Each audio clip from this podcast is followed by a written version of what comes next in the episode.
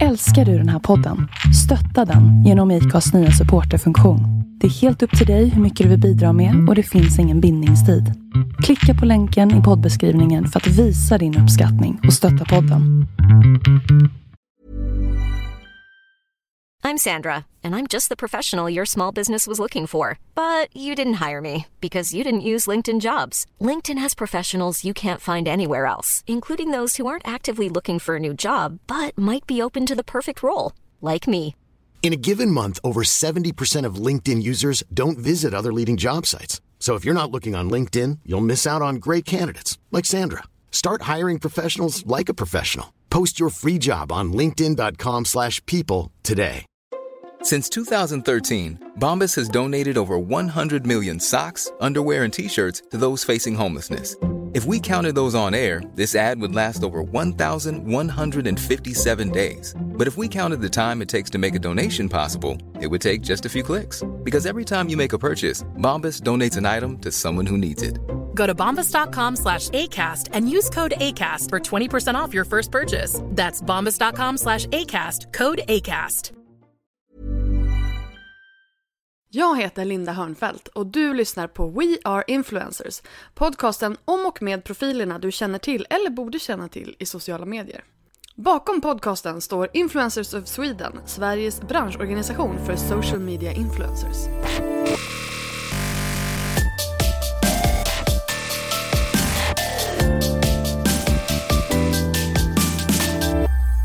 Förra veckan bytte vi namn från Better bloggers till Influencers of Sweden och idag går podcasten samma väg då vi byter namn från bloggbusiness till We Are Influencers.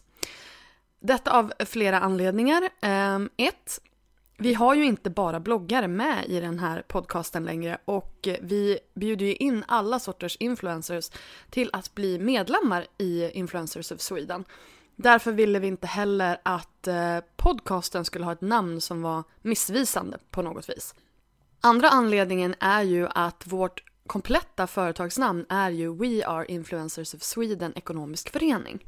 Så därför tyckte jag att poddnamnet We Are Influencers är väldigt eh, passande och bra.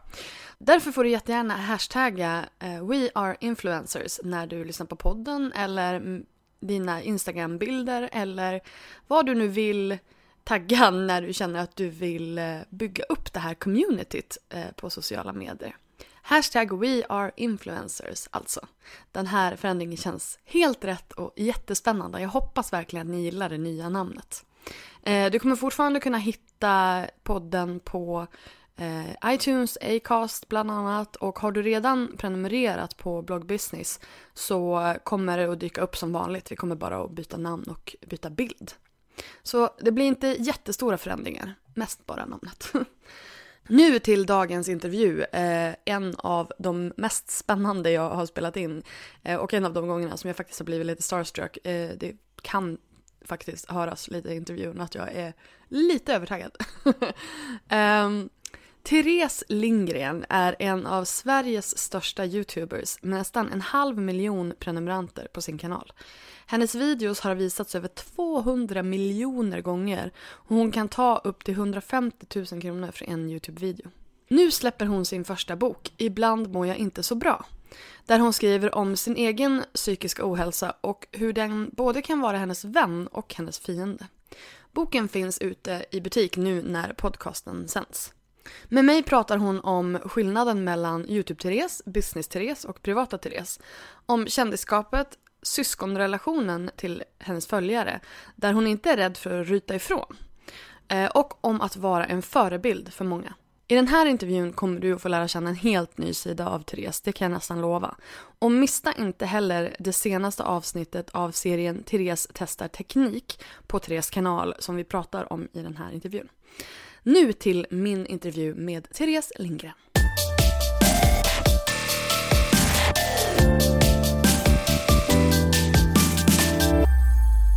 Hej och välkommen Therese Lindgren! Tack! Det är jätteroligt att ha dig här i det här lilla rummet tillsammans med mig och min hund. Ja, men det är jätteroligt att få vara här. Hur mår du idag? Idag mår jag bra. Jag har haft lite ont i magen på morgonen, men eh, nu är det bra. Aj då. Ja. Va, va, vad är det som händer? Nej, jag tror jag åt eh, någon konstiga, någon konstig hamburgare igår. Jaha, okej. Okay. Du har inte ätit någon frukost heller Nej. har vi kommit fram till. Du måste äta bra. Ja, du måste verkligen. ta hand om dig själv. Ja. Men alltså, eh, ja, okej, vi, tar, vi tar det från början för det är ju faktiskt, även fast du är eh, en välkänd profil så är det ju inte alla som vet vem du är. Nej. Så kan du inte berätta det lite? Så berätta om dig själv och din online-persona. Mm. Jag är en youtuber och det är egentligen bara det jag är. alltså jag har bara min YouTube-kanal som jag har haft sedan november 2013. I början så gjorde jag uteslutande skönhetsvideos bara liksom när jag sminkade mig, fixade håret och målade naglar och sånt där. Men med tiden nu så har jag börjat göra mer lite allt möjligt så jag kan filma min vardag, ibland så bara sitter jag och pratar om viktiga ämnen. Nu blandar jag. Hej vilt, Linda. Hej vilt. Jag vet. Jag är, jag är ju prenumerant sedan ett halvår kanske. Åh, Ja. bra. Bra, bra, bra. Så jag har ju, har ju faktiskt varit lite nervös idag. Nej! Nej men så det är det enda jag är. Jag bara, jag bara gör YouTube. Ingen blogg, ingenting annat. Mm. Instagram gör du. Ja, Instagram. Och lite Snapchat. Mm. Det är åtminstone där jag har koll på dig. Så. Ja, ja men det är det. Eh, Så att jag är bara lite, lite stalker. Men alltså, men jag måste ju säga, vi måste börja med att fråga. Du lämnade in din bok igår. Ah. Hur har det gått? Hur känns det? Nu i slutet, jag är lite missnöjd nu i slutet. Det känns som jag snubblade lite på mållinjen. Jag är inte helt nöjd med sista sidan. Och jag är inte helt nöjd med första kapitlet. Däremot så tycker jag kapitel två till sju är jättebra. Jag tycker inledningen är jättebra. Eh, och nu så ska vi sitta i en vecka och bara jobba med layouten på boken. Hur den ska se ut och vilka bilder vi ska ha och sånt där. Så förhoppningsvis blir det bra också. Men det måste ju finnas, ha, alltså men är den redigerad och klar? Jag tänker redaktören, har, den, har hen läst den och allting? Mm, den så. mellan oss. Så det är liksom, det är, nu är det klart liksom. Nu är det klart. När är den kommer ut? Vet du, jag har inget exakt datum. Jag vet att den åker till tryck 22 september. Men sen vet inte jag vilket datum den kommer tillbaka. Vi får kolla upp det eh, och eh, jag tog ju meddela det i inledningen Mm. av den här podden. Eh, för jag vet att jag fick ett mail från Adlibris om att man kunde förhandsbeställa den. Mm. Och då borde det stå någon slags datum när man skickar den. Ja. Ah, ja. Ehm, men vi kommer tillbaka till boken senare. Kan inte du berätta, alltså varför YouTube? Hur, hur kommer det sig att du började med hela det här galna äventyret? Jag tror, eftersom att jag, eller när jag började med min YouTube-kanal så var jag sjukskriven. Då hade jag precis blivit ut, sjukskriven, gud vad jag börjar stamma! Jag hade precis blivit sjukskriven för utmattningssyndrom. Så att jag var sjukskriven och var hemma på dagarna men började må bättre. Och i takt med att jag började må bättre så började jag också surfa mer på nätet och hittade YouTube. Alltså jag hade innan jag startade min YouTube-kanal så hade jag mest besökt YouTube för att kolla på musikvideos eller ifall någon hade delat något så här sött klipp med och katter. Ja men exakt. Så att jag hade ingen aning om att det fanns folk som faktiskt gjorde videos kontinuerligt och att man kunde prenumerera på kanaler och att man kunde följa folk så. Eh, Men så när jag började följa andra amerikanska och australiensiska tjejer på YouTube så såg det bara kul ut och jag började själv när jag började må bättre så blev jag mer och mer kreativ för att under den perioden när jag var sjukskriven och mådde som sämst så försvann all kreativitet. Alltså det var inget kul att rita, det var inget kul att sjunga eller så här. Ja men ingenting kreativt var kul, det var inte ens kul att lyssna på musik. Men det där började komma tillbaka i takt med att jag började må bättre. Så då, då började det faktiskt med att jag startade en blogg. Men den hade jag bara ett par veckor. Eh, och där recenserade jag något så här, bara smink som jag hade hemma och så gick jag in på Kicks och så här smygfotade nyheterna och la upp på bloggen. Och sen så gjorde jag då en video när jag bara sminkade mig och så drog jag upp den i så här supersnabb fart. Mm, okej, okej. Så det, egentligen så det var verkligen ingen uttänkt strategi, jag hade ingen tanke så här, ja ah, men nu så ska jag blanda rörligt med statiskt innehåll här på min blogg för att det är ett framtidskoncept, nej. Utan det var bara, egentligen bara ren Och när var tur. det här? 2013. Det är tre år sedan. Ja, hösten där. Ja. Men vilka var de här som du då började följa? Vilka inspirerade dig där till början? Det är en eh, amerikansk tjej som heter Jacqueline Hill och så såg jag en tjej som heter Chan, Chan XO från Nya Zeeland. Och en tjej som heter Nicole Guerreiro från, från USA också. Jaha, vad kul! Jag följer också ett, ett gäng eh, amerikanska vloggare och youtubers. Men eh, inte de. Så det, där, det där måste jag spana in. De gör bara skönhetsvideos. Ja, men jag har ju kollat på Alltså den som jag fa- fastnade för först det var nog Zoella. Mm. Eh, Henne gillar jag massor. Och sen har jag börjat följa hennes vloggkanal också för att hon har en skitsöt hund och hon är Ja. jätterolig. Ja. Eh, så, nej men jag är också lite så här, jag har upptäckt det ganska nyligen. Mm. Att man faktiskt kan göra YouTube på det där sättet. Eh, jag kollade tillbaka på min blogg och då hade jag skrivit typ så här 2008 tror jag så här. Jag har upptäckt en skitcool sajt, den heter YouTube. Nej, Och man kan ladda upp videos och så finns det typ massa trailers och så finns det är det sant? Men gud vad kul! jätteroligt. Alltså jag har bloggat i 15 år så att det finns Det mycket sjukt. skräp och eh, mycket upptäckter också på, på min, lilla, min lilla hem på nätet. Men alltså, så bloggen var ingenting för dig. Nej. Varför var video bättre då? Var det liksom den här att du får utlopp för eh, mer kreativitet? Jag tror egentligen att det bara hade att göra med att jag var sjukskriven och när jag var sådär utbränd så, så var det för jobbigt dels att läsa men också att skriva. Så det tog så lång tid att skriva en text och det, det var inget kul att skriva texter för att det var för jobbigt. Och sen tycker jag att det var svårt att ta bra bilder för att jag hade ingen bra kamera och jag visste inte riktigt hur man skulle göra så det blev liksom inte så snyggt som Ja men typ då kollade jag på Linda Hallbergs blogg som är liksom värsta proffset och, och Helene Torsgården som också har en jätte, jättefin blogg. Och så när det inte blev så på första försöket då, då var det liksom inget kul längre. Men var du, var du ett S på YouTube redan från början då? på något sätt så var det mycket, mycket roligare. Då kunde jag liksom sitta i flera, flera timmar och redigera en video. Den, den blev absolut inte lika bra som andra youtubers men men det var liksom roligt på ett helt annat sätt. Vad härligt. Mm. Men vad... För jag, alltså jag, som någon som, jag har ju också varit utbränd i omgångar och lever likt dig med panikångest. Och jag kan liksom... Alltså jag känner ju igen mig i det här som du säger att kreativiteten hjälper och sådär. Men vad fick du för reaktioner av din omgivning? När jag startade min YouTube-kanal. Ja, I mitt- början- Mitt, i, i sjukskrivningen liksom. I början så um, så tror jag, jag tror inte jag berättade för mina föräldrar och de hade nog ingen eh, koll heller. Och mina vänner och min pojkvän som jag hade då tror jag mest tyckte att det var kul att jag hade en hobby. För att jag gjorde ingenting under det året som jag var sjukskriven, jag bara var hemma. Och så för första gången på ett år så så satt jag och gjorde någonting. Och jag tyckte att det var viktigt att redigera en video och, och liksom sa till min pojkvän då, nej Anders jag kan inte kolla på film idag, jag måste redigera. Fast jag liksom hade ingen tittare, inga prenumeranter, ingenting. Men jag, jag tog det allvarligt redan från början för jag, jag tyckte det var så jävla kul.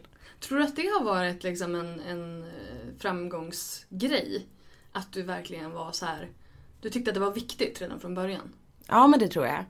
Ehm, för att redan från början så var det så självklart för mig att alltid publicera kontinuerligt. Alltså från första videon liksom. Det, det dröjde inte mer än exakt en vecka tills nästa video kom upp. Ehm, och jag tror att det, det hjälpte nog till. För att det fanns då, för tre år sedan, så fanns det andra youtubers, svenska youtubers. Men ingen tror jag som var riktigt kontinuerlig. Som laddade upp samma dag, samma tid. Är det ett framgångsrecept alltså? I alla fall då. Ja. Mm. För det där är jag, suger jag ju på. Men, men, och jag tänker så här, ja men prenumererar man på, någon då ser man ju att det kommer ut när de kommer ut liksom. Det kommer nya videos. Men förutom det, vad, vad gjorde du sen? Alltså hur, berätta, hur, hur växte kanalen? Minns du dina så här Jag hade ju-? Absolut, jag hade ju precis innan jag blev sjukskriven så hade jag jobbat på Videofy Me, jag vet inte ifall du känner till Jo, det. mm. Men, och då jobbade jag som säljare. Okej. Så jag visste ju genom mitt tidigare yrke hur jag skulle liksom tagga mitt klipp, vad jag skulle, jag läste redan från början, innan jag ens la ut mitt första klipp så läste jag hur Youtubes algoritmer fungerar och hur jag skulle göra för att liksom optimera mitt klipp. Och hur jag skulle dyka upp som rekommenderat och sådär. Så att redan från början var jag duktig på att titulera videon, vad jag skulle skriva i beskrivningen och skriva i taggar. Um, så att det, dels det, dels att jag var kontinuerlig. Um, men för att i början var inte mina klipp bra överhuvudtaget. Alltså jag var väldigt opersonlig och de var för långa och de var för långsamma och de var inget bra innehåll överhuvudtaget. Utan jag tror att jag hade mycket att vinna på att jag var kontinuerlig och, och hade koll på tekniken. Och när, känn, när märkte du att det här, här är det ju någonting? När började det liksom, när small det till för dig? Eller har den bara så här tickat uppåt? Ja, det har aldrig hänt någonting över en natt utan det har hela tiden växt organiskt och kontinuerligt. Så att jag har faktiskt aldrig haft någon så här moment när jag bara wow, inte, en- jag kommer liksom inte ihåg när jag fick 100 prenumeranter eller när jag fick 1000 eller 10 000. Jag kommer ihåg 100 000 såklart men, men innan dess hade jag nog inga sådär, nej. Men minns du när, alltså när, när kände du att vänta nu, det här kan jag ju tjäna pengar på? Det var det första året. Eh, kanske ett halvår efter att jag startade kanalen. Det var så pass alltså? Hade du det i åtanke?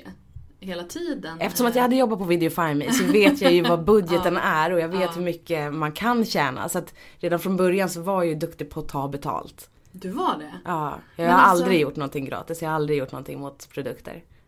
Det är ju sjukt imponerande. Att du liksom hade det tänket redan, redan från början. Men jag var ju gammal också. Alltså jag är ju gammal. Jag är ju 30 eller 29 nu. Ja. Så jag var ju 26. Men ändå. Alltså jag känner alltså många av, våra medlemmar är ju fortfarande så här. Nej men inte ska väl jag. Sen har du ju en säljbakgrund och det är klart att det hjälper. Men ändå att komma där och ha, okej när du får 100 000 och vad har du nu, drygt 400 000. Men när man har 1000 eller 2000 då kanske det inte är lika enkelt att sälja in sig. Hur viktig är ehm, mängden, alltså prenumeranter? Helt oviktigt antal prenumeranter. Visningar är det enda som är viktigt. Ja, okej. Och hur många visningar behöver man ha för att man ska kunna sälja på det? Per video, eller? Jag har fortfarande kvar alltså min inkorg. Jag satt och, eh, och scrollade min inkorg och jag ser att jag började sälja när jag hade 5000 prenumeranter i veckan. Nej 5000 visningar i veckan menar jag, förlåt. Wow. För då tyckte jag att jag var värd. Men Ja. hur, alltså, hur, hur kom du fram till det? För, för alltså, jag, jag känner ju bara så här. Det är så många olika grejer. Alltså, jag förstår att du har det här säljgrejet och att du har tekniken och att du har det liksom i ryggraden. Men när man kommer tillbaka från en depression och har liksom... Alltså då är man ju inte i sitt esse Nej. kanske. Och att du ändå bara så här. Nu ska jag, det här ska jag, det här kan jag tjäna pengar på. Det här kan jag liksom göra, göra ett jobb av. Alltså, hur, hur, hur lyckades du med det? Eller liksom, för jag känner att då kanske man... Lyckas du då separera dig själv ifrån det jobbet som du gör? Eller hur tänkte du? Eh, jag tänker att det kanske... Om jag separerade mig från jobbet, hur tänkte du då? Jag tänker så här att väldigt många har svårt att tänka att jag är värd det här och det jag gör är bra. Eh, Man tittar på en video när man, som, man, som man har gjort själv och det man ser det är ju alla de här små misstagen man har gjort. Eller man ser sin dubbelhake. Eller man, ser, alltså man, man har svårt att se på det man gör oavsett om det är en video eller om en blogg eller vad det är för något. Man har svårt att se på det objektivt. Och att sälja på sig själv. Alltså om jag ska sälja på dig, då kan jag ju säga ja men Therese är grym, hon har gjort det här och det här och det här och det här. Men att jag ska sälja på mig själv och säga att jag är grym för jag har gjort det här och det här och jag, jag Mm, skapar nu är bra jag kvalitet och, och det där. Det är ju mycket svårare. Men att du liksom bara så här right out of the gate, bara så här. Jag är värd det här, jag ska ta betalt. Ja men jag förstår. Ja på Ja. så sätt så distanserar jag mig jättemycket. För att jag har jättebra självförtroende men superdålig självkänsla. Så att jag, jag, jag kan sälja in min YouTube-kanal för att jag vet att det är den bästa i Sverige. Jag har inte flest visningar men jag vet att jag är bäst. Alltså jag, jag har jättebra självförtroende när det kommer till min kanal. Jag vet att jag kan göra en video som jättemånga kommer kolla på. Jag vet att jag kan förmedla ett budskap. Jag kan, alltså jag är jätteduktig. Och det kände jag redan från början. Även fast jag bara hade 5000 visningar så visste jag att det här är 5000 jävligt bra visningar. För att jag kunde liksom lyfta fram till exempel, okej det är bara 5000 visningar, det finns fler som har eh, liksom fler visningar. Men däremot så kollar mina tittare på 80% utav videon medan de som ni köper videos från, alltså reklam från, där kollar de bara på 20% utav videon. Så jag, jag tror jag alltid varit duktig på att hitta vad jag är bra på. Och hur hittar du de här recepten för att skapa de här videorna när, där folk faktiskt tittar 80%? Har du något Jag, liksom, jag följer min statistik slaviskt. och ser vad som funkar? Ja. Så jag har ju verkligen koll på det där. Alltså för du verkar ju, alltså när man tittar på dina videos, du är ju väldigt Alltså du är ju väldigt, du är glad och du är eh, personlig och du är, man ser ju sällan den här sidan av dig där du är otroligt strategisk. Och det tycker Ja men det är ju lite osexigt också, man vill ju helst inte alltså, att det jag ska tycker vara... det är skitsexigt. det är bra. Men jag, jag, jag, tycker tänker att man kanske, är inte vill, man kanske inte vill att det ska vara så här planerat. Och strategiskt. Nej, fast samtidigt. Nej, det är klart att kanske majoriteten inte vill det. Men jag menar, det säger ju otroligt mycket om dig som affärskvinna. Och det är för mig otroligt imponerande. Därför att, du vet när folk är bara så här, nej men det bara blev så. Eh, och bara helt plötsligt hade jag 100 000 prenumeranter, jag vet inte riktigt vad som hände. Då blir jag lite så här. Då, då är man ju en unicorn liksom. Då, då, och, och då är man ju lite en unicorn som bara så här fladdrar omkring med sitt regnbågsfärgade hår och inte riktigt vet vad man håller på Ja. med. Och då kan det ju försvinna när som helst. Precis. Det du håller på med är ju calculated på ett, på ett bra sätt. Mm. Liksom. Alltså du, som du säger, du följer upp allting, du vet vad som fungerar och du anpassar dig efter det. Sen blandar jag faktiskt det också med videos som jag bara själv tycker om. Alltså Såklart. jag, jag gör videos som jag vet att det här kommer inte ens folk klicka på. Med det bästa jag vet. Jag måste ju blanda upp med, med det som jag tycker är det roligaste. Såklart, Mm. såklart. Det är som jag brukar säga när det gäller bloggar, då, då säger jag att man ska göra tre olika sorters inlägg. Eh, inlägg för Google, alltså som är bra SEO, liksom Mm. som guider eller vad det kan vara för någonting. Inlägg för att skapa relation med de läsarna som redan läser en, alltså de, den, den publiken som redan har. Eh, och då kan det ju handla om att, liksom, att man pratar om känslor eller man, pratar, man, man öppnar sig och man bygger på den här relationen. Och det tredje, det är in, inlägg som man gör för sin egen skull. Ja. Och då- Jättebra. Ja, och då Jättebra. kan ju det vara så här, ja men typ jag var i Paris i helgen, då vill jag lägga upp de bilderna. Även om ingen annan är intresserad så vill jag så här, för det är ju en del av min dagbok liksom. Precis. Så tänker jag med min YouTube-kanal också.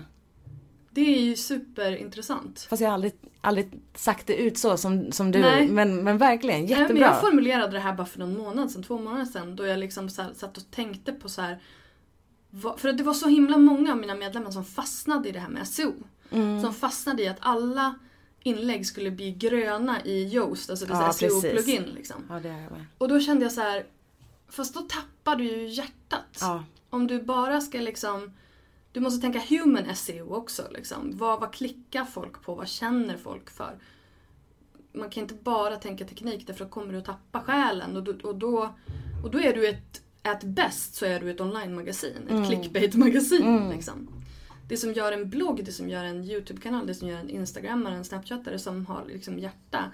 Det är ju de här, de här andra typerna. Men det är kanske är de första som driver in ny trafik. Mm. Tankar? Nej, jag håller med. jag bara håller med. Men hur... Jag satt och tänkte nu på att eh, jag bara, jag är bäst. Jag har den bästa YouTube-kanalen. Det är ju relativt. Jag förstår att inte alla tycker att jag har den bästa YouTube-kanalen Alltså, men jag tycker- däremot så tycker jag det. Alltså från, från mitt perspektiv, jag som mig själv Therese, jag gör den kanalen som jag vill titta på. Döda Jante, säger jag. Eh, Ja men jag tänker att det finns jättemånga som tycker att det finns jättemycket andra YouTubers som är mycket mycket bättre. Men för sen- att det är relativt vad Men som är sen bäst. handlar det lite grann om också, jag brukar, brukar dra en parallell med eh, filmer. Mm. Alltså det finns ju filmer, alltså det är klart att du och jag kanske tycker olika vilken film som är bra. Mm. För att, alltså jag är besatt av Oscarsgalan, jag ser Oscar- Oscarsgalan varje år och jag tycker att majoriteten av de filmerna är skitbra. Ehm, och då kommer folk och säger såhär, ja men jag tycker inte, de här Oscarsfilmerna de är ju aldrig bra. Och jag bara, du kan inte säga att de filmerna är dåliga för rent objektivt kvalitetsmässigt så är det här sjukt bra gjorda filmer. Det är bra manus, det är bra foto, det är bra skådespeleri. Sen om du tyck, inte tycker om den, det är liksom en helt annan sak. Men du kan inte säga att den är dålig, för det är den inte. Nej. Sen kanske inte du Sen kanske inte den faller i smaken. Sen så är det så här, typ en film som American Pie. Eller valfri som du vet slapstick, eh, humor, tonårsskräp. det är säkert underhållande för många men det är inte en bra film. Nej nej. Förstår du vad jag menar? Mm. Och det är lite så här. Det, det är samma sak med YouTube-kanaler. Vad som är bra kvalitet, det är inte objektivt. Nej. Men vad man underhålls av och vad man gillar, det Mm. är såklart mer objektivt. Så att rent objektivt så har du ju en sjukt bra kanal. Ja. ja. För att komma runt cirkeln fattar. Mm. liksom. Eh, Men vad är då dina bästa videos i de här tre kategorierna? De som eh, går Alltså- bäst hem menar du? Ja, alltså för dig, för publiken och för att locka nya tittare. Vloggar när jag bara filmar min vardag. Ja. Det, det är de videorna som har längst visningstid. Det är de som, jag kan ju se eh, hur många utav mina prenumeranter som tittar på en video och hur många som inte prenumererar som tittar på en video. Som nu till exempel så är det bara hälften utav mina 400 000 prenumeranter som faktiskt tittar på mina videos. Men sen så varje dag så har jag 200 000 människor som inte prenumererar som tittar på mina videos. Så jag ligger ändå på ungefär 400 000 per dag. Ehm, men merparten utav mina prenumeranter, de tittar på mina vloggar. Och det är den här relationsbyggande. Ja, För att de vill se mer av ditt liv. ja, jag antar det. Ja. Men du... Okej, jag, jag ska komma tillbaka till det. Jag känner att jag bara såhär... um, men vad är liksom, vad är då det som driver ny trafik? Det är också vloggar. Ja. Mm. Och vad gör du för dig själv? Jag gillar ju att filma så här, när jag får filma många olika kameravinklar. Ifall jag får göra typ som en lookbook när jag visar kläder eller om jag får göra min morgonrutin och filma snyggare grejer Ja, liksom. Lite mer dramaturgiskt Ja. liksom. Lite mer mm, f- film-film. Precis, det gillar jag. För då får jag sitta länge med redigeringen, det som jag liksom först fastnade för från början. Ehm, ja, men, ja, är det det som är roligast? det tycker jag är roligast. Jag tycker vi går tillbaka lite grann till businessen. Att du har tjänat pengar på din, din kanal sen du hade 5000 visningar i veckan. Mm. Hur länge har du kunnat leva på din kanal? Jag sa upp mig från mitt vanliga jobb våren 2015. Så det är ett och ett halvt år nu. Mm. Men jag kunde ha sagt upp mig tidigare. Just saying. Nej men det kunde Vad jag. jobbade du med då? Då jobbade jag på Röda Korset på deras IT-avdelning. Okej. Och från början, hur, länge, hur, lång, hur länge sålde du själv? För det gjorde du från början, du sålde dina egna samarbeten. Mm. Det gör jag har du alltid gjort samarbeten? Mm. Du gör fortfarande det? Ja. Men vad gör din partner, säga? Alltså du, du, för du ligger ju hos United Mm. Screens. De säljer pre-rolls och de bitarna. Ja. Men du, själv, du säljer själv dina samarbeten. Ja. Alltså jag blir så imponerad så jag vet inte vad jag ska ta vägen. Nej. Nej men det är sjukt häftigt. Fast också lite mm, dåligt. Ja, det är ju för att jag inte, jag har någon slags kontrollbehov där. Ja fast att du ändå kan ta lika mycket betalt som... För du känner att du, du tappar inte pengar på det. Nej. Du gör det själv. Det, känner, det, tror jag inte. Nej. Alltså jag vet typ inte vad jag ska gå vidare för att jag... Jag blir så tagen. Nej men lägg av! Nej men på riktigt! På riktigt! Jag har jag blir så tagen nu. Nej men jag har aldrig hört det här. Jag har aldrig hört det här för jag, jag blir sjukt imponerad. För att det här har inte jag hört förut. Liksom just det här att man kan... Att du, att du bara har byggt upp allt det här. Du har verkligen byggt upp allt det här själv. Alltihopa liksom. Mm. Och det är, det är grymt coolt. Men så är det väl för alla bloggare och alla youtubers och alla instagramprofiler. Man är ju self-made. Nej fast inte när det gäller försäljningen. Ja men det är sant. Det är sant. Ja, men- jag, åh, jag träffar så många andra youtubers och bloggare och instagrammare som har managers och som låter någon annan sälja. Som tar 20% på allting. och det är det, då är jag- det ändå lite. Ja och det klarar inte jag. Nej. Och särskilt inte när det är en man som ska sitta och ta de där. Jag vet inte, jag är, är inte sexistisk i normala fall men jag bara gillar inte tanken på att någon annan ska ta mina pengar och ännu sämre ifall det är en man som gör det utav någon anledning. För det var Ja, men hemskt alltså, sagt men... preach, to, preaching to the choir sister. Så här, så här känner jag liksom, och det här var ju anledningen till att jag startade Better bloggers också. Att alla i stort sett, eh, bloggportaler, agenturer, allt vad det var för någonting, leddes utav män. Ja, precis. Och det jag såg där runt ja, men 09, 10, 11 någonstans där när det började verkligen ta fart. Det var att det kom en bunt män och så såg de bara kolla här har vi massa, grejer, massa tjejer som skapar sjukt mycket bra innehåll. De kan vi tjäna pengar på för de fattar inte hur de gör det själv. Ja. Och där någonstans brinner, brin- brinner i mitt huvud. Ja. För då blir jag så här: okej, så att ni...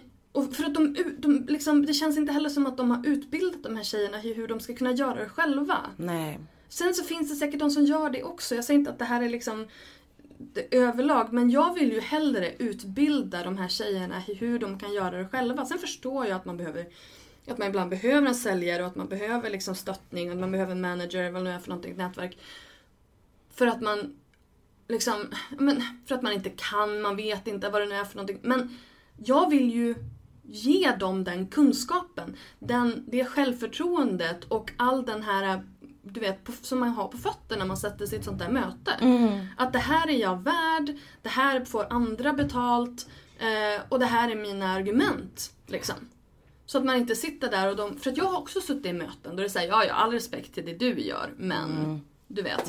Och då måste, man, då måste man på riktigt antingen då vara tillräckligt säker i sig själv så att man kan säga att nej, vet du vad?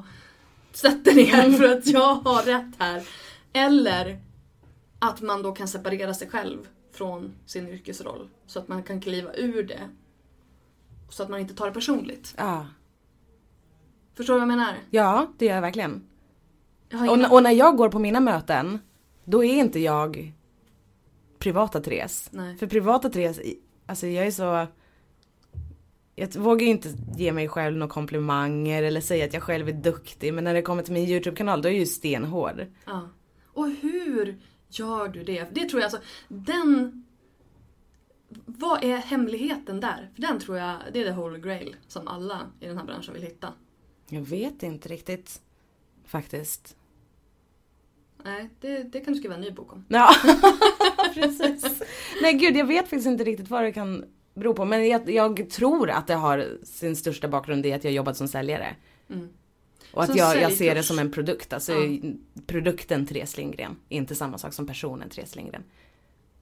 Men det är ju ändå det lite grann. För att jag känner att, alltså nu när jag, nu när jag sitter här med dig så ser jag ju en helt annan person än vad jag ser i dina videos. Eh, och personen i dina videos, är det då, är det en karaktär? Är det privata Therese Therese Lindgren? Vem är det? Men jag tror att nu så sitter jag här i business mode. Ja, så jag Så, ser det. så jag tror att jag, när, när jag gör mina YouTube-videos när jag är så här knäpp och typ när jag skrattar och jag säger konstiga grejer. Det är så som jag är med mina tjejkompisar. Ja. Det är skönt att höra. Mm. Alltså att det är, att det är liksom det, det sanna du. Ja, Men också, och det är också därför jag känner att jag blir lite tagen. För att den här sidan av dig har jag inte sett. Det här är ju en helt ny version liksom. Varför, va, varför har man ett nätverk om man kan göra det här själv? jag skulle aldrig kunna sälja in mina pre-rolls. Nej, okej. Alltså den här reklamen som visas innan YouTube-klippet. Det är det jag behöver hjälp med. Men jag som inte har ett nätverk har ju också pre-rolls. Mm, men inte lika mycket och inte lika välbetalda. Okej. Ja men det, det är bra att veta för att jag menar jag säger jag får ju någon cent här och där. och eh, Men för, för, jo för det jag tänker är att de tar ju en cut Mm. och du får en och Youtube tar en. Alltså blir det bättre om man har ett nätverk? För min del blir det det, men jag vet inte ifall det blir det för alla faktiskt. Nej. För folk kan ju, de kan ju sälja in på dig. Precis. Såklart, för att du har en så pass stor kanal och sådär. Och Men- också så jag har jag en kanal som är stark i en viss målgrupp. Har man en kanal som är stark under 18 så, så kanske inte alla annonser som det nätverket säljer passar för din kanal. Nej, det är sant. Så då går du miste. För min 70% av mina tittare är över 18 år. Vilket gör att många vill annonsera på min kanal. det är bra. det trodde inte jag. Jag trodde att de skulle vara yngre Mm. faktiskt. Och det tror jag också när jag tittar i mitt kommentarsfält. Eller när jag går ut på stan så tror jag också det. Ja, det är nog Men sen jag när jag går ut på det. krogen Linda. Då kommer de fram, alla. Jag bara what? Kommer fram liksom snyggaste brudarna och killarna som jag aldrig kunde tänka mig följde min kanal. Nej gud jag blir helt generad när jag går ut på krogen. Ja. Men alltså, då, då, då har du öppnat upp den dörren. Det här kändisskapet. Hur, hur är det? Nej vet du, jag, jag går ju aldrig ut på krogen. Alltså jag har varit ute på krogen två gånger på ett år. Men, eh, och jag är väldigt sällan i gallerior, jag är aldrig ute på stan. Jag går ju inte runt och strosar i affärer. Utan jag tar bilen till ett möte och sen går jag in på mötet, sen åker jag hem.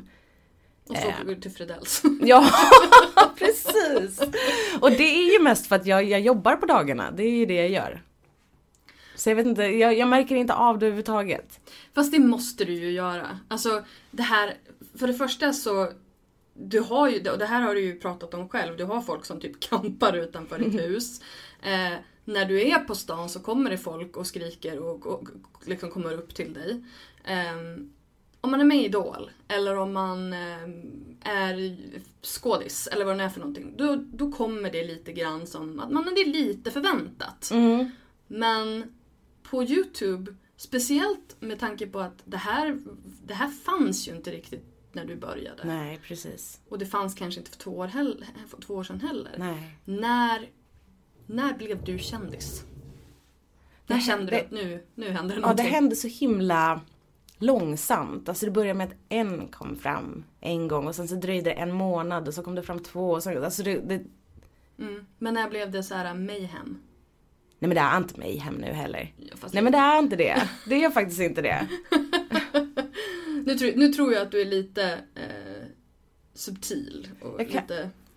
Mm, jag tänker vad är det ehm, Vad är det värsta du har varit med om?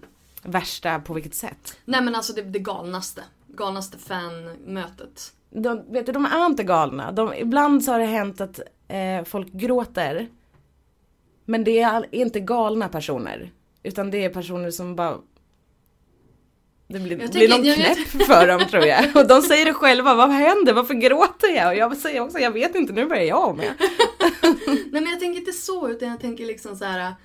Har du varit med om att det kommer liksom en mobb med, med tjejer eller killar och liksom så här. Oh my god! Det är Therese. Ah. Mm, det hände en gång i, i Kungsträdgården.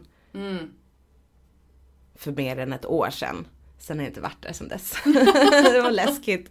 Ja det Eh, men för då tror jag att eh, då bara, de triggade liksom varandra och så här. ah, Jag vet inte vad som hände riktigt.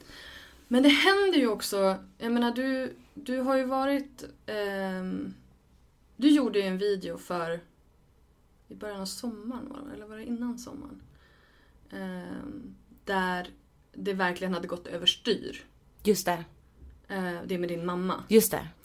Eh, och för att liksom informera, det var någon som hade busringt till din mamma och sagt att du hade dött i en bilolycka. Mm. Och där... Det passerade ju alla möjliga gränser. Liksom. Mm.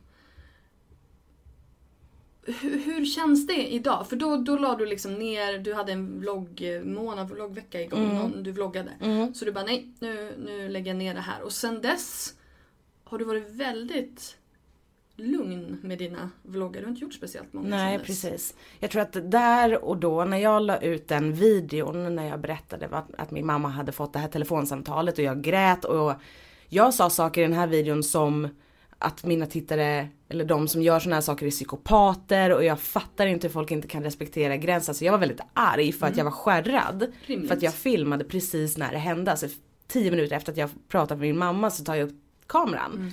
Ehm, och vad som hände var, jag hade förväntat mig att det skulle komma som en våg av stöd, att folk skulle tycka att det var förfärligt vad som hade hänt och att de skulle säga men ta din tid Therese, lägg inte upp några mer videos, det här är sjukt. Men istället så upplevde jag det nästan som att nästa övergrepp började i kommentarsfältet för att det var så många som skrev att min mamma var dum som ens kunde gå på en sån sak, att det var många som skrev att så här, it's just a prank bro, de typ försökte skämta bort det och, och förminska det. Så att där händer det någonting med relationen mellan mig och mina tittare. Det är väldigt svårt att ha många tittare för att det blir ofta att jag ser dem som en enhet istället för många olika individer.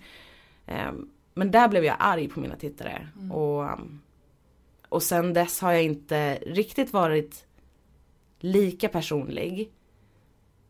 Men jag saknar det. För att det var liksom det som var en så stor del utav vad som var roligt på Youtube. Att, att jag öppnar upp mig Mom deserves the best, and there's no better place to shop for Mother's Day than Whole Foods Market. They're your destination for unbeatable savings, from premium gifts to show-stopping flowers and irresistible desserts. Start by saving 33% with Prime on all body care and candles. Then get a 15-stem bunch of tulips for just $9.99 each with Prime. Round out Mom's menu with festive rosé, irresistible berry chantilly cake, and more special treats. Come celebrate Mother's Day at Whole Foods Market. Hey, it's Danny Pellegrino from Everything Iconic. Ready to upgrade your style game without blowing your budget? Check out Quince. They've got all the good stuff shirts and polos, activewear, and fine leather goods, all at 50 to 80% less than other high end brands. And the best part? They're all about safe, ethical, and responsible manufacturing. Get that luxury vibe without the luxury price tag. Hit up quince.com slash upgrade for free shipping and 365 day returns on your next order. That's quince.com slash upgrade. Wow. Nice. Yeah. What you're hearing are the sounds of people everywhere putting on Bombas socks, underwear, and t-shirts made from absurdly soft materials that feel like plush clouds. Yeah, that plush. And the best part? For every item you purchase, Bombas donates another to someone facing homelessness. Bombas. Big comfort for everyone. Go to bombas.com slash ACAST and use code ACAST for 20% off your first purchase. That's bombas.com slash ACAST. Code ACAST. Då öppnar de upp sig tillbaka. Så att jag, jag försöker att komma tillbaka dit igen. Men ehm, Ja, du har ju utlovat en vloggmånad. Mm. Hur ska det gå? jag har kameran med mig här nu. Jaså? Mm, för den börjar nu på söndag. Samma. Du, det här är allt tack vare dig. Jaså? Vi har likadana eh, Canonlega mini, minisar. Precis. Och jag köpte min efter att jag hade sett den hos dig. Mm. Så jag sa det, jag, jag har sagt det i någon av mina videos. Jag bara alltså Therese borde få cash. Ja men eller hur! Ja, ja, för alla de här Legias. De är slutsålda överallt. Och det är ju ditt fel. Eller tack vare dig. Men många säger det är Therese fel. Jag tag på någon. Precis. Ja, men Ja, hur, men känns, hur känns det då? Det känns jätteroligt. Jag har sett fram emot att börja vlogga jätte, jättemycket. Eh, kommer inte visa mina vänner och min familj på samma sätt. Tror jag. Dels för att inte de vill vara med på samma sätt men också för att jag känner att jag vill skydda dem. Ehm, Jag ja det är läste- svårt. Jag läste en intervju med dig som var typ ett år gammal. Mm. Eh, där du skrev att, att du inte är så privat. Att du är väldigt personlig men inte så privat. Och du har ju varit det vid några tillfällen. Mm. Där du har varit just, den, just det här när du har filmat i stundens hetta och, och det har blivit väldigt, du har blivit privat fast Mm. på, ett, på ett bra sätt. Ehm, tycker jag. Men, men samtidigt, du, du visar ju sällan upp andra än dig själv i dina videos. Nej, nu, nu, nu kanske du inte typ umgås så mycket med andra människor, åtminstone inte när du filmar. Nej. Ehm, för jag tänkte på det då. Jag bara, vet jag någonting om Therese egentligen? Mm. Det gör jag ju inte. Va? Jo. Jo fast alltså, inte om liksom så här, inte om din familj, om ditt liv, om din... Eh, alltså... Förstår du vad jag menar? Alltså... Det är klart jag vet saker om hur du mår och vad du har gjort och sådär men inte... Inte de här privata grejerna. Eller så kanske jag bara inte har sett tillräckligt många videos. Jag vet inte faktiskt. Det känns som att jag har delat med mig av det mesta men jag känner ju samtidigt att det finns mycket som jag inte har delat med mig av. Jag känner mig inte obekväm med vad jag har delat med mig av på internet. Det är många, eh, ofta journalister som frågar sig, men gud hur känns det att vara så privat och vart går gränsen? Har du någon gräns? Men jag känner mig jättebekväm med att jag har inte berättat det som inte jag vill berätta och jag känner inte att jag har låtit någon komma för nära. Sen har jag varit väldigt personlig men det har jag gjort för att jag vet att andra någonstans kan må bra utav det. Till exempel så pratar jag mycket om, om mina panikattacker och sådär för att jag vet att det hjälper andra. Inte för att jag vill helgonförklaras utan för att jag försöker att ta det som är dåligt i mitt liv och göra någonting bra utav det istället. Och det tycker jag är verkligen eh, super, super bra. Från någon som liksom lider av samma sak som du. Eh, så tycker jag att det är fantastiskt att du är så öppen med det och att du pratar om det så frekvent. Ehm, och att du nu har skrivit en bok om det. Ja. Um, alltså jag vill bara säga, alltså jag tror att det jag tänker på just det här med, med att vara privat. Tror jag, jag tror att, för att på min blogg, jag lägger ut en massa bilder på min familj och mina vänner och, och sådär. Och det ser man sällan hos dig. Jag tror det är det jag tänker. Att, Ja men det är att, möjligt. Att du inte, att du mest har dig själv i dina videos. Mm. Jo men det är sant. Det är, Är sant. det, finns, finns det någon tanke där eller, eller har det bara inte blivit så? Nej men det är för att jag inte vill visa dem. Ja. Jag vill inte visa. Till exempel så är jag hos min mormor varannan dag. Det är ju ingen som vet. Nej. Jag filmar inte min mormor. Vad Jag mysigt. pratar inte om att jag är där. Men jag är där varannan dag. Eh, ja, men, och det är nog bara för att jag vill skydda folk. Ja. Eller skydda, ja, skydda min omgivning liksom. När kom du till den gränsen? Och jag vill inte skydda dem mot liksom mina tittare, mina bra tittare utan det är, det är ett tiotal människor där ute som jag tror är psykiskt sjuka. Det är Mm. de jag vill skydda min familj mot. Jag förstår Från. det. När, när, när kände du att nu, här går gränsen, nu vill jag inte vara, nu, vill jag, nu börjar jag skydda folk i min omgivning? Det började när jag eh, fortfarande var tillsammans med Anders och jag fick blodiga tamponger i posten. Jo. Och päls för att jag är vegan. Ja. Ja. Så vad är det för sjuka människor? Men gud jag vet inte, usch. Det är ju verkligen, då är det ju något fel. Mm. Ja, vi har min hund här inne då med oss. För det är lite sådana grejer jag menar. Alltså, jag förstår att du tycker väldigt mycket om dina, dina följare och att du liksom så här, säger själv att ja, ja, men det är inte så farligt. Men sådana där grejer är ju, det där är ju inte normalt. Nej. Nej. Och jag blir jätterädd. Ja, jag förstår det. Men hur ofta händer sånt här? Eller liksom, Nu för tiden aldrig. vad skönt. Ja. Har du märkt att det har blivit bättre när du har rytit ifrån? Ja. Vad skönt. Ja. Det fungerar verkligen. Om jag säger någonting på Youtube så händer det ingenting under ett par månader. Jätte, jättebra.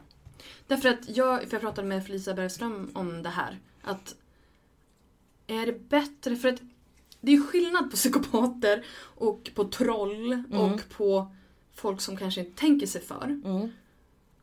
Och trollen, de ska man ju bara kväva liksom. Mm. De ska man ju inte låta få någon rum överhuvudtaget för att då blir de ju bara värre.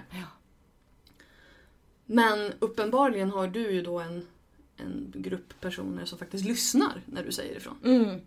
Dels, de som lyssnar tror jag är eh, personer, både tjejer och killar som, som har tidigare kommit hem till mig för att de så gärna vill ta ett foto. Och knacka på dörren. Och det slutar de med. Och också personer som hittat min adress på internet och som skickar brev till mig som bara är snälla. Men som jag kan tycka är lite obehagligt. För att jag skriver om en händelse i min bok varför jag tycker att det är obehagligt. Det började med att jag fick eh, blommor varje dag.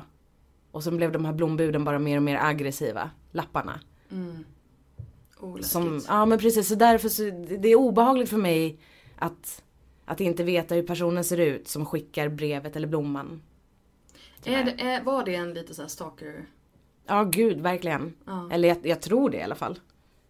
Ja, det verkar ju. Ja, det verkar som det. Men hur fick du slut på det då? Eller det kanske står i boken. Man får läsa sig till det. Ja, precis! Vi gör en liten Nu måste cliffhanger du tisa Ja, lite precis. grann här. Men alltså du, berätta om boken. Ja, gud. Jag känner att jag, boken är det område i min verksamhet, ifall man säger det så, som jag absolut inte har bra självförtroende. För att den är så personlig. Där är det bara, alltså det känns som att det är privata Therese som har skrivit den och inte någon YouTube-Therese. Ehm, och den handlar om, jag hade först tanken att jag skulle skriva en bok om psykisk ohälsa. Men det har snarare blivit en bok som handlar om mig, fast om min psykiska ohälsa. Så den handlar om panikattacker, om ångest, om depression, om social fobi. Men med mina erfarenheter som utgångspunkt. Men så finns det också inslag där man kan läsa bara om själva diagnoserna i sig. Ehm, Så jag tror att det är en bok för dels personer som, som tycker om mig, som är intresserade utav mig. personer som själva ibland inte mår så bra. Och som kanske har en diagnos eller Det är också funderar det på... boken heter. Ja, Ibland mår jag inte så bra. precis. Om man har en diagnos eller får man fundera på att ha en diagnos. För jag tror att man kan relatera mycket till, till det jag skriver i boken. Ehm, och så är den lite peppande så i slutet. Men för du fick ju, du bad ju om en hel del hjälp av Mm. dina tittare och dina Twitterföljare och Instagramföljare när du skrev den. Just det. Hur, hur tänkte du där? Alltså kring, kring det?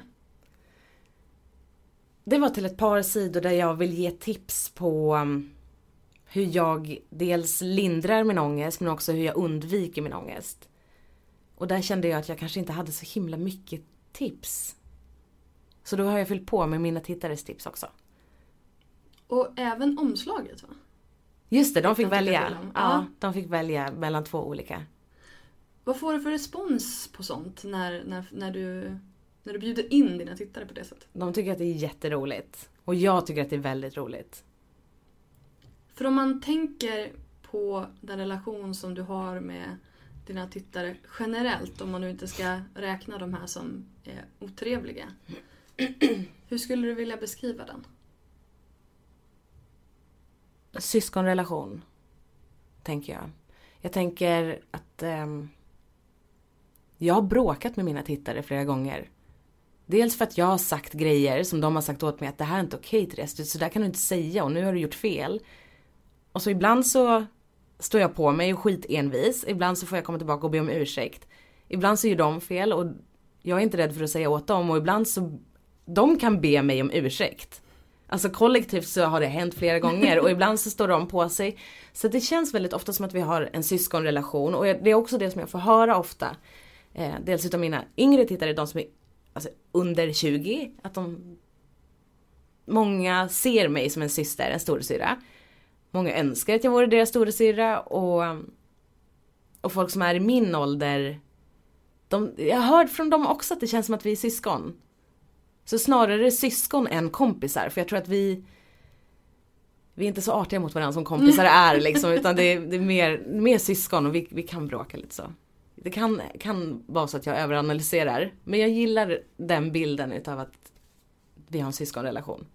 Och den är inte perfekt hela tiden liksom för det är det, alltså att bara för att vi bråkar så kommer inte vi sluta vara kompisar utan vi är syskon. Mm. Kommer inte ifrån varandra. Nej precis, det och- bara är så. Vad fint! Det Ja, jag en tycker att det är fin, fint. fin beskrivning. Men jag tänker också på det här. Du förväntas väldigt ofta vara perfekt. Mm. Jag tänker till exempel ja, men när du fick Nicke. Mm. Eh, och du hade sagt att du inte ville, du inte stödjer ehm, det här med att ha djur i bur. Just det. Och helt plötsligt så hade du det själv. Mm. Och fick en massa skit för det. Mm. Och när du inte var den, perfekta veganen. Och sådana där saker. Hur, hur tänker du kring det? Jag tänker att det är som syskon. Ja. Då, precis som, jag har ju en lillebrorsa själv, jag är van att ha liksom småsyskon. Och precis som ifall han skulle sagt så här, men Therese, du som är emot djur i bur, hur kan du nu ha Nicky i en bur?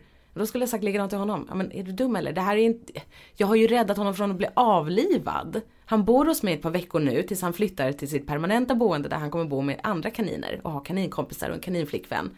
Och ungefär det sa jag ju till mina tittare också, att nu får ni sluta. Han ska bo hos mig ett par veckor för att annars skulle han dött. Och sen var det bra med det. Så du tror att det här med att säga ifrån. Eller...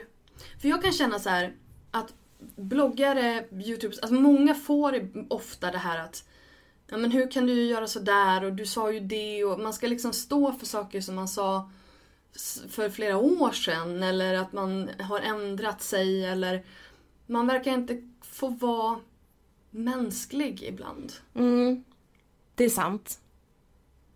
Och... Eh, ja men gud, ja det är sant. Jag tycker själv att jag eh, jag råkar faktiskt inte ut så himla mycket för sånt där. Jag är så himla PK på min kanal. Jag, jag får ju ganska lite sånt där att... Jag gör ju oftast rätt, Linda. Ja, det, men faktiskt, det är ju så. Det är, det är väldigt Ja, lite det är i mitt precis som liv. du sa här innan, alltså jag menar inte att jag har den bästa YouTube-kanalen utan jag kände liksom hur du började gå i den här cirkeln, den här PK-cirkeln runt och jag, Ja, ibland precis. säger jag såhär, men, men alltså Therese lägg ner, det är lugnt. Fast i mitt liv så gör det ju ganska lite dåliga val. ja. Jag är ju ganska eftertänksam och, jo, men, och, är gör väl ganska lite... fel så har, jag har ganska lite så att, att folk stör sig på vad jag gör. Men jag känner att det är lite så det är, att ju mer perfekt man är Mm. desto mer skit får man när man någon gång gör ett litet, litet, litet fel. Mm. Är man, är man den som är liksom en fuck-up eller vad det nu är för någonting, då kan inte folk säga så mycket. Därför Ja man är det är alltid sant. sån. Det är sant. Medan du liksom, Ängla-Therese med änglahåret som alltid gör rätt. Ja. Då får hon skit när hon gör fel någon gång. ja. Vad, vad tycker du att jag har fått skit för? Nej men till exempel det. Alltså till exempel, och sen så... Men för det var ju bara ett missförstånd. De trodde att jag hade köpt honom. Bara jag redde ut liksom att han ska bara bo här ett par veckor. Sen, nu är det inget problem. Ja okej. För att jag, jag, jag förstod det som att, ja nu har hon en djur i bur. Nu blir det... Jaha. Ja. Nej men och så sen liksom, men just det här att Men det var någonting med den här vegangrejen också. Du, du sa att ja, men jag gör så gott jag kan. Mm. Men ibland så funkar det inte liksom. Mm. Och då måste jag kanske äta något annat därför att annars svälter jag. Liksom. Ja. Och då var det också så här, ja men hur ska du ha det? Typ. Ja, jo men det är sant. Ja, det är ganska mycket press på att man behöver vara perfekt hela tiden och att det inte räcker att försöka utan det måste vara bättre än att försöka alltid. Och det är lite jobbigt. Jag tror att det är jobbigt särskilt för Nej, inte särskilt för tjejer i och för sig, jag tar tillbaka det. Men jag tänker att man har så himla mycket press på sig själv redan som det är och är sin egen liksom, hårdaste kritiker alltid. Och sen att ha ännu fler kritiska ögon på en är, är jobbigt men det är en väldigt bra skola. Jaså? ja, gud. Alltså, jag har ju lärt mig att inte ta åt mig så mycket utav sånt. Och faktiskt sänka kraven på mig själv lite grann. Det är ju ett, det är en bra outcome och lite otippad. Mm. Jag tror att det var det enda alternativet. Alltså att det, gick liksom inte att göra på något annat sätt. Någonstans så kom jag till en smärtgräns och insåg att jag kommer aldrig kunna göra alla nöjda liksom. Mm. Det räcker med att göra mig själv nöjd. Och hur gör jag det? Ja, hur gör du det? Hur, hur, hur, har du hittat den där, den där gränsen då du känner att ja, men här, här mår jag bra? Mm. Och Det tycker jag att jag har gjort. Jag, jag får en känsla utav eh, av att jag är nöjd över mig själv och, och att jag mår bra och att jag är stolt när jag gör någonting som jag tycker är meningsfullt. Och jag tycker att det är meningsfullt att jag pratar om psykisk ohälsa. Jag tycker att det är meningsfullt att jag pratar om att jag är vegan. Jag behöver inte sälja in veganism och säga att andra ska bli veganer. Jag, jag pratar aldrig om fördelar med att vara vegan. Utan jag bara säger att jag är vegan men jag märker att det gör skillnad. Och jag känner att det är meningsfullt att jag i år har räddat en kanin. Jag har räddat ett liv. Som jag har tagit hand om och det enligt vissa är, är kanske larvigt men för mig så är det meningsfullt och ger mig ett syfte. Och det gör att jag blir stolt. Och är man stolt över sig själv så är det svårt att ha dålig självkänsla.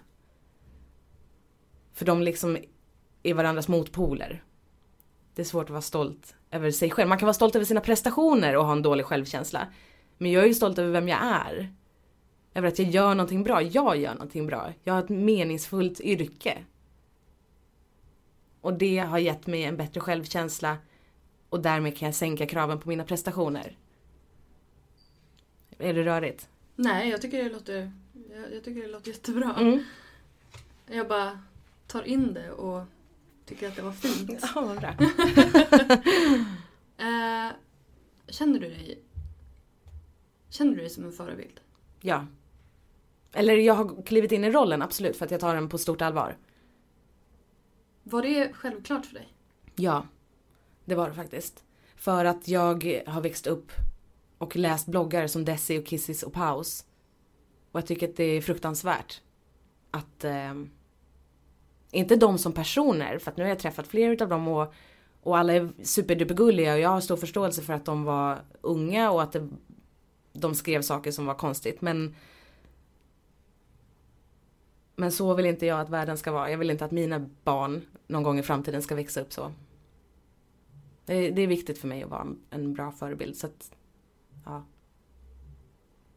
Jag ska bara göra en liten sväng tillbaka till eh, businessen. Mm. Ehm, du gör ju väldigt mycket samarbeten. Och det Mm. säger jag på ett positivt sätt. Ehm, du, gör du en video om dagen nu? Eller hur, hur, hur tänker Nu du? gör jag en, en varannan. En varannan dag? Ja. Och hur många av dem är samarbeten? Det har varit väldigt mycket på sista tiden. Eh, det är så himla svårt för mig att att sätta gränsen där känner jag, hur mycket som är okej för mina tittare. Jag kan ju tycka från min sida att jag rekommenderar produkter eller tjänster som jag står för och jag tycker att jag gör bra innehåll runt omkring dem så att jag tycker att det är en bra video. Men jag förstår att inte alla mina tittare håller med. För att eh, det tar bort liksom någon slags äkthet när det finns en sponsor med i videon. Men nu på sistone så har nog var tredje video varit eh, i samarbete med ett företag. Och vad får du för respons av dina tittare på det här? För nu har det ju också blivit, alltså det senaste halvåret så har det ju blivit mycket tydligare vad som är sponsrat också efter hela den eh, liksom debatten kring, kring smygreklam och sådär. Så har ju alla blivit mycket bättre på att, på att märka ut. Mm. Och då kanske folk också har blivit mer medvetna om att det här förekommer på, på en större skala. Ehm, hur, hur har du, hur har du, vad har du fått för reaktioner på det? Det är ganska blandat. Jag, I perioder så är det väldigt hårt. Folk blir väldigt provocerade av att det är samarbeten. Mm, Varför tror du att de blir det?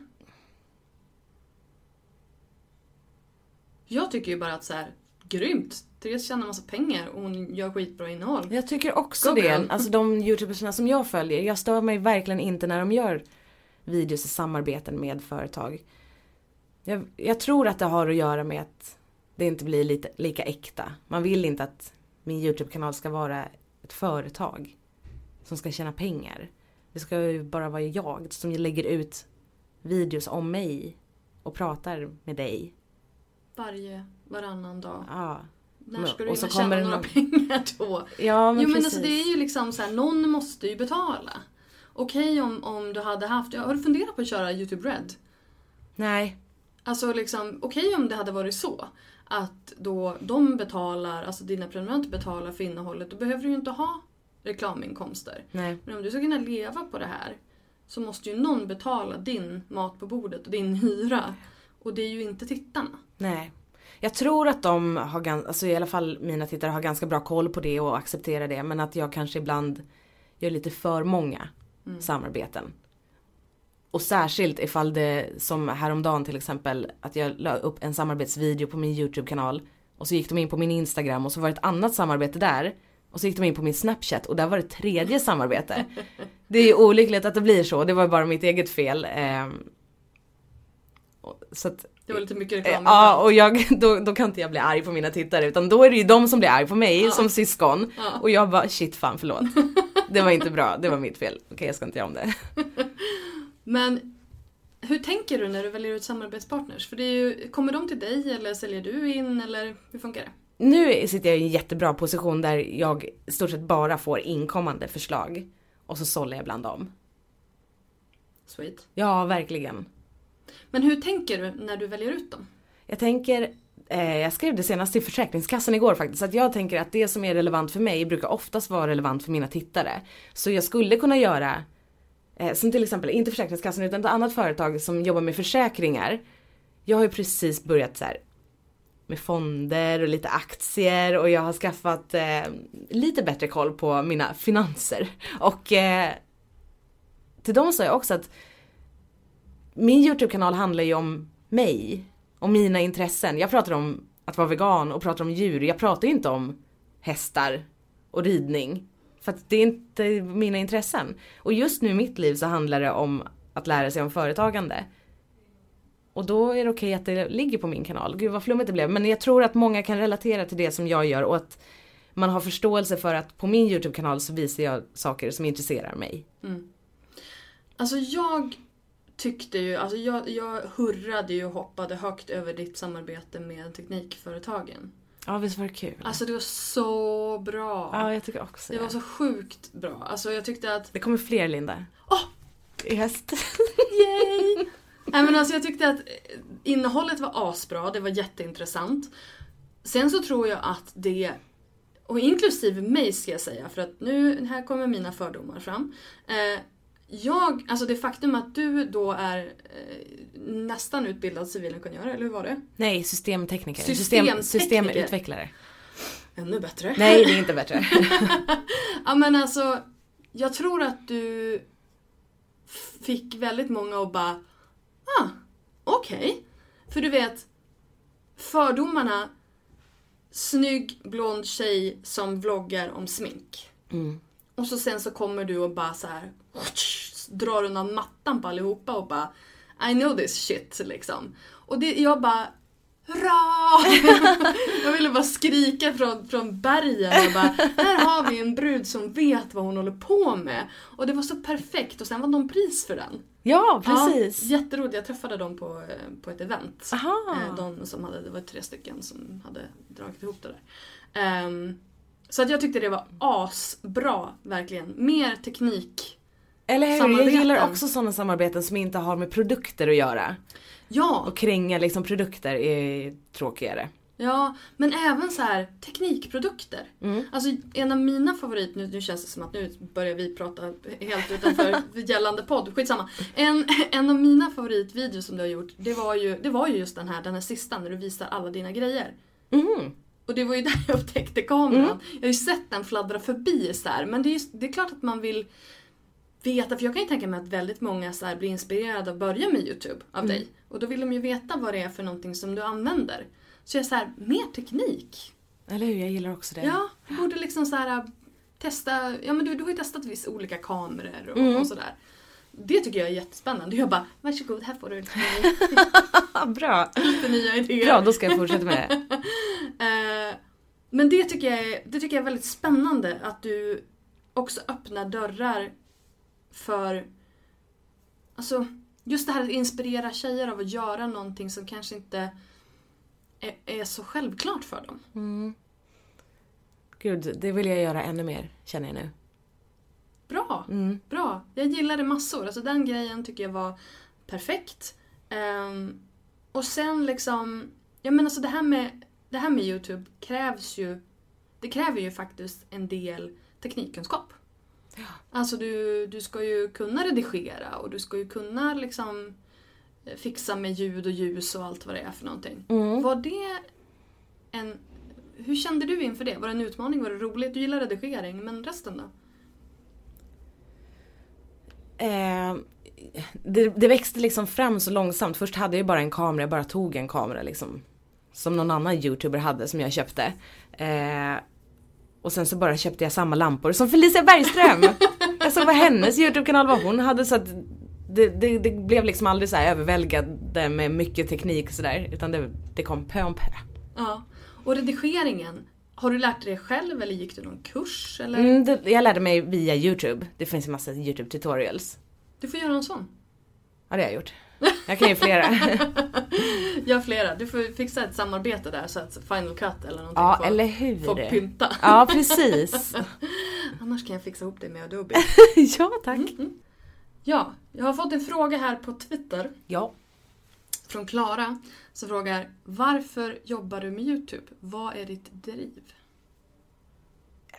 Jag tror det, finns olika driv men senast i morse så låg jag i sängen och var så tacksam över att jag inte behöver gå upp klockan sex, duscha, äta frukost, sminka mig, sätta mig på tunnelbanan och åka till ett kontor.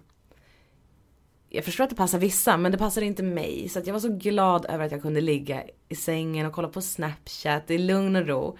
Eh, så att jag, det som driver mig är väldigt mycket livsstilen jag kan ha nu när jag jobbar som egenföretagare. Eh, men framförallt mina tittare för att jag blir jag blir väldigt nära mina tittare. Dels när jag läser vad de skriver till mig privat och när de skriver i mina kommentarsfält. Eh, när jag träffar dem ute på stan. Och när de faktiskt röstar på mig i tävlingar som jag ställer upp i. Så det, det känns liksom inte riktigt som ett jobb alltid. Och det driver mig ännu mer, alltså att, att jag tjänar pengar utan att jobba. Det är jättebra. Jag har alltså snart en halv miljon syskon. Mm. Betyder det här att vi är systrar? Ja. High five. Winning! Eh, Nej men just det här entreprenörslivet. Jag lever ju också det. Mm. Och jag har ju pratat om eh, tidigare att jag, vi pratade om det här lite grann tidigare också, jag kan inte passa tider. Nej. Jag, det, är liksom, det är en av mina riktiga ångestgrejer. Ja. Ehm, Det tar, allting tar ju tusen gånger längre än vad jag tror att det ska göra, speciellt på förmiddagarna. Och ehm, så att en av de stora anledningarna till att jag startade eget var för att jag inte kan ha ett vanligt jo- jobb för jag kan inte sitta på samma plats i åtta timmar för jag, jag får panik av det. Liksom. Mm. Och jag kan inte passa de här tiderna. Och det har av någon anledning då jag jobbar ju mycket mer nu. Ja, Men, precis. Men, men jag behöver inte, jag kan också ligga och kolla Snapchat på morgnarna och sova lite extra och så sen kan man sitta uppe och Mm. jobba sent på, på kvällarna.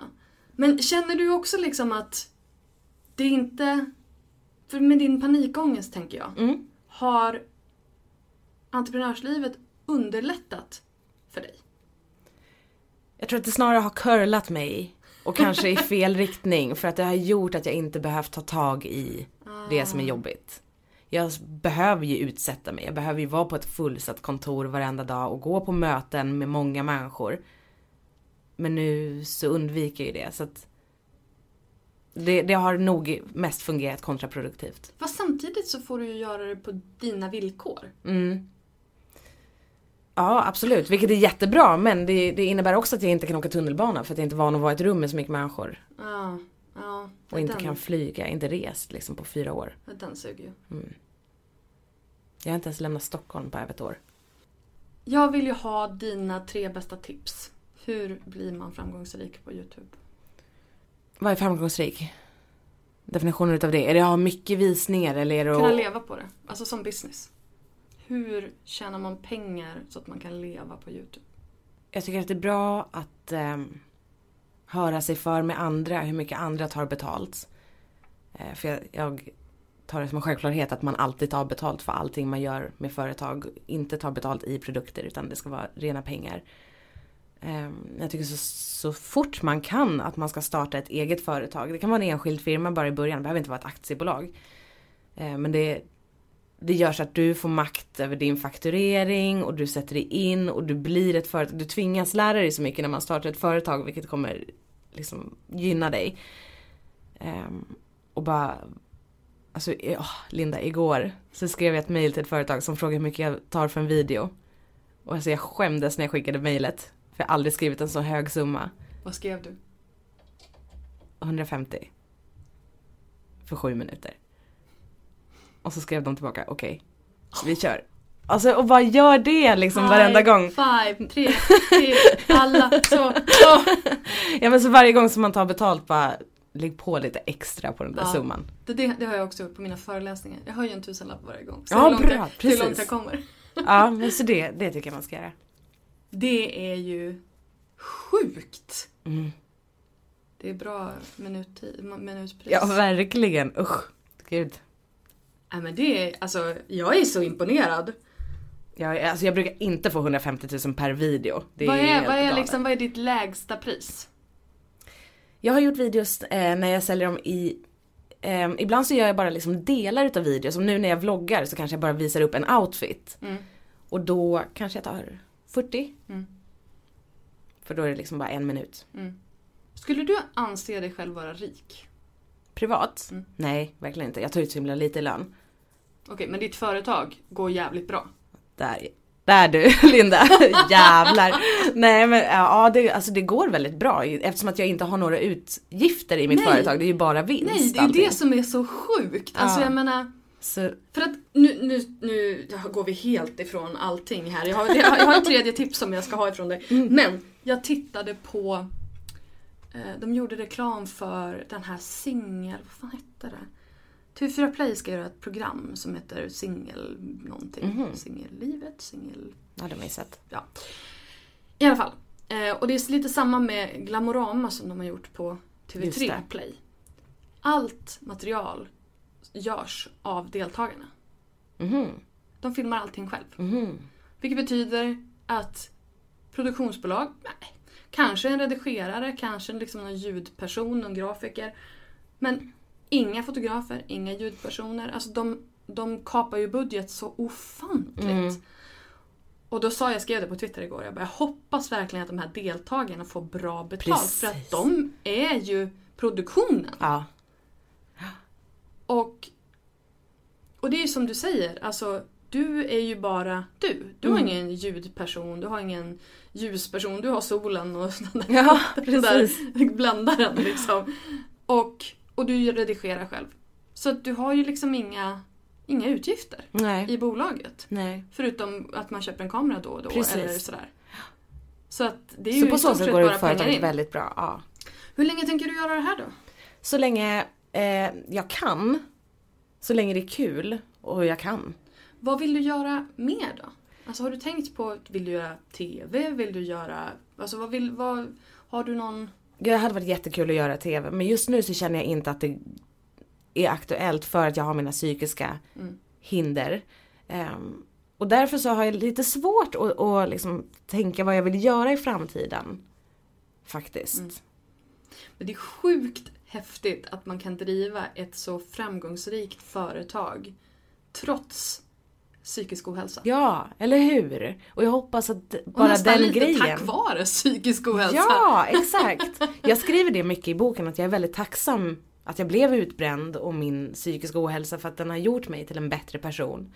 Och jag har med viljekraft lyckats vända det till en fördel. Alltså jag tjänar pengar på mina panikattacker. Mm. Indirekt. Sen Ja. hade jag ju hellre levt utan dem självklart men man får göra det bästa utav situationen. You got lemons and you made lemonade. Exakt! Precis! Åh, yes! Har du ett tips till till oss? Hur man blir, vad var, eh, Framgångsrik youtuber. Hur, hur blir man rik? Hur blir man rik? YouTube. Ja, man tar, alltså, Man tar sjukt mycket betalt. ja, pinsamt mycket betalt. Och vad sa jag först? Jag gillar det här med att man ska... Var, jag hörde någons, någonstans, det var någon som sa när du skickar iväg en offert ska du skämmas lite annars har du tagit för lite betalt. Och det gäller främst kvinnor. Mm.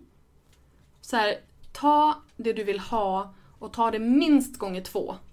För att för det första så kommer de, oftast, inte i ditt fall uppenbarligen, eh, pruta. Ja, exakt. De kommer att försöka förhandla ner. Ja. Så ta det du, det du liksom det minimum som du kan tänka dig och så tar du det och tar det gånger två, gärna gånger tre. Och så skickar du iväg det. Mm.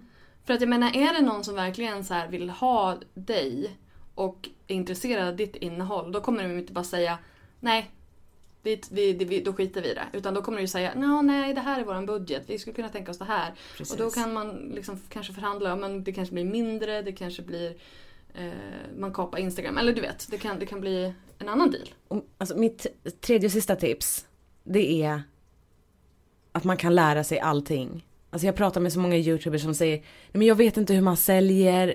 Lär dig, googla. Hur tror du att jag har lärt mig? Jag har inte gått någon säljutbildning. Jag har inte gått någon utbildning i hur man startar företag. Jag har inte gått någon utbildning i hur man blir en youtuber. Jag har bara googlat. Alla svar finns på google. När det kommer till det i alla Och fall. det finns också väldigt mycket webbkurser om man vill ha någonting som är mer strukturerat. Ja men exakt, precis. Så att, men jag bara blir så här allergisk mot folk som, nej men jag vet inte hur man gör det, jag, jag kan inte göra det där. Jo det kan du, sluta, det kan du visst. Och så sen lite grann så här. äh, Någon slags självförtroende versus självkänsla kurs. Ja. Alltså just det här som, som vi pratade om tidigare om att separera sin, sin kanal eller sin blogg eller vad det nu är för någonting från sin privata person. Tänk på det som en tredje person, som en, som en kompis eller en syrra eller någon som du jobbar för. Att det är den personen som har gjort det här och du ska sälja in det. För att då blir det helt plötsligt mycket enklare om man försöker titta på det man har skapat med neutrala ögon. Ja, det tycker jag var jättebra tips. Varsågod. Så, eller menade jag att mina tips var jättebra? Ja, det var tre jättebra tips. Jättebra tips. Alltså, eh, Therese, tack snälla för att du tog dig tid och lycka till med boken. Tack så mycket, tack för att jag fick komma, det var jättekul att vara här. Mom deserves the best, and there's no better place to shop for Mother's Day than Whole Foods Market. They're your destination for unbeatable savings, from premium gifts to show-stopping flowers and irresistible desserts. Start by saving 33% with Prime on all body care and candles. Then get a 15-stem bunch of tulips for just $9.99 each with Prime. Round out Mom's menu with festive rosé, irresistible berry chantilly cake, and more special treats. Come celebrate Mother's Day at Whole Foods Market. Imagine the softest sheets you've ever felt. Now imagine them getting even softer over time. That's what you'll feel with Bowl and Branch's organic cotton sheets. In a recent customer survey, 96% replied that Bowl and Branch sheets get softer with every wash. Start getting your best night's sleep in these sheets that get softer and softer for years to come. Try their sheets with a 30-night guarantee. Plus, get 15% off your first order at bowlandbranch.com. Code BUTTERY. Exclusions apply. See site for details.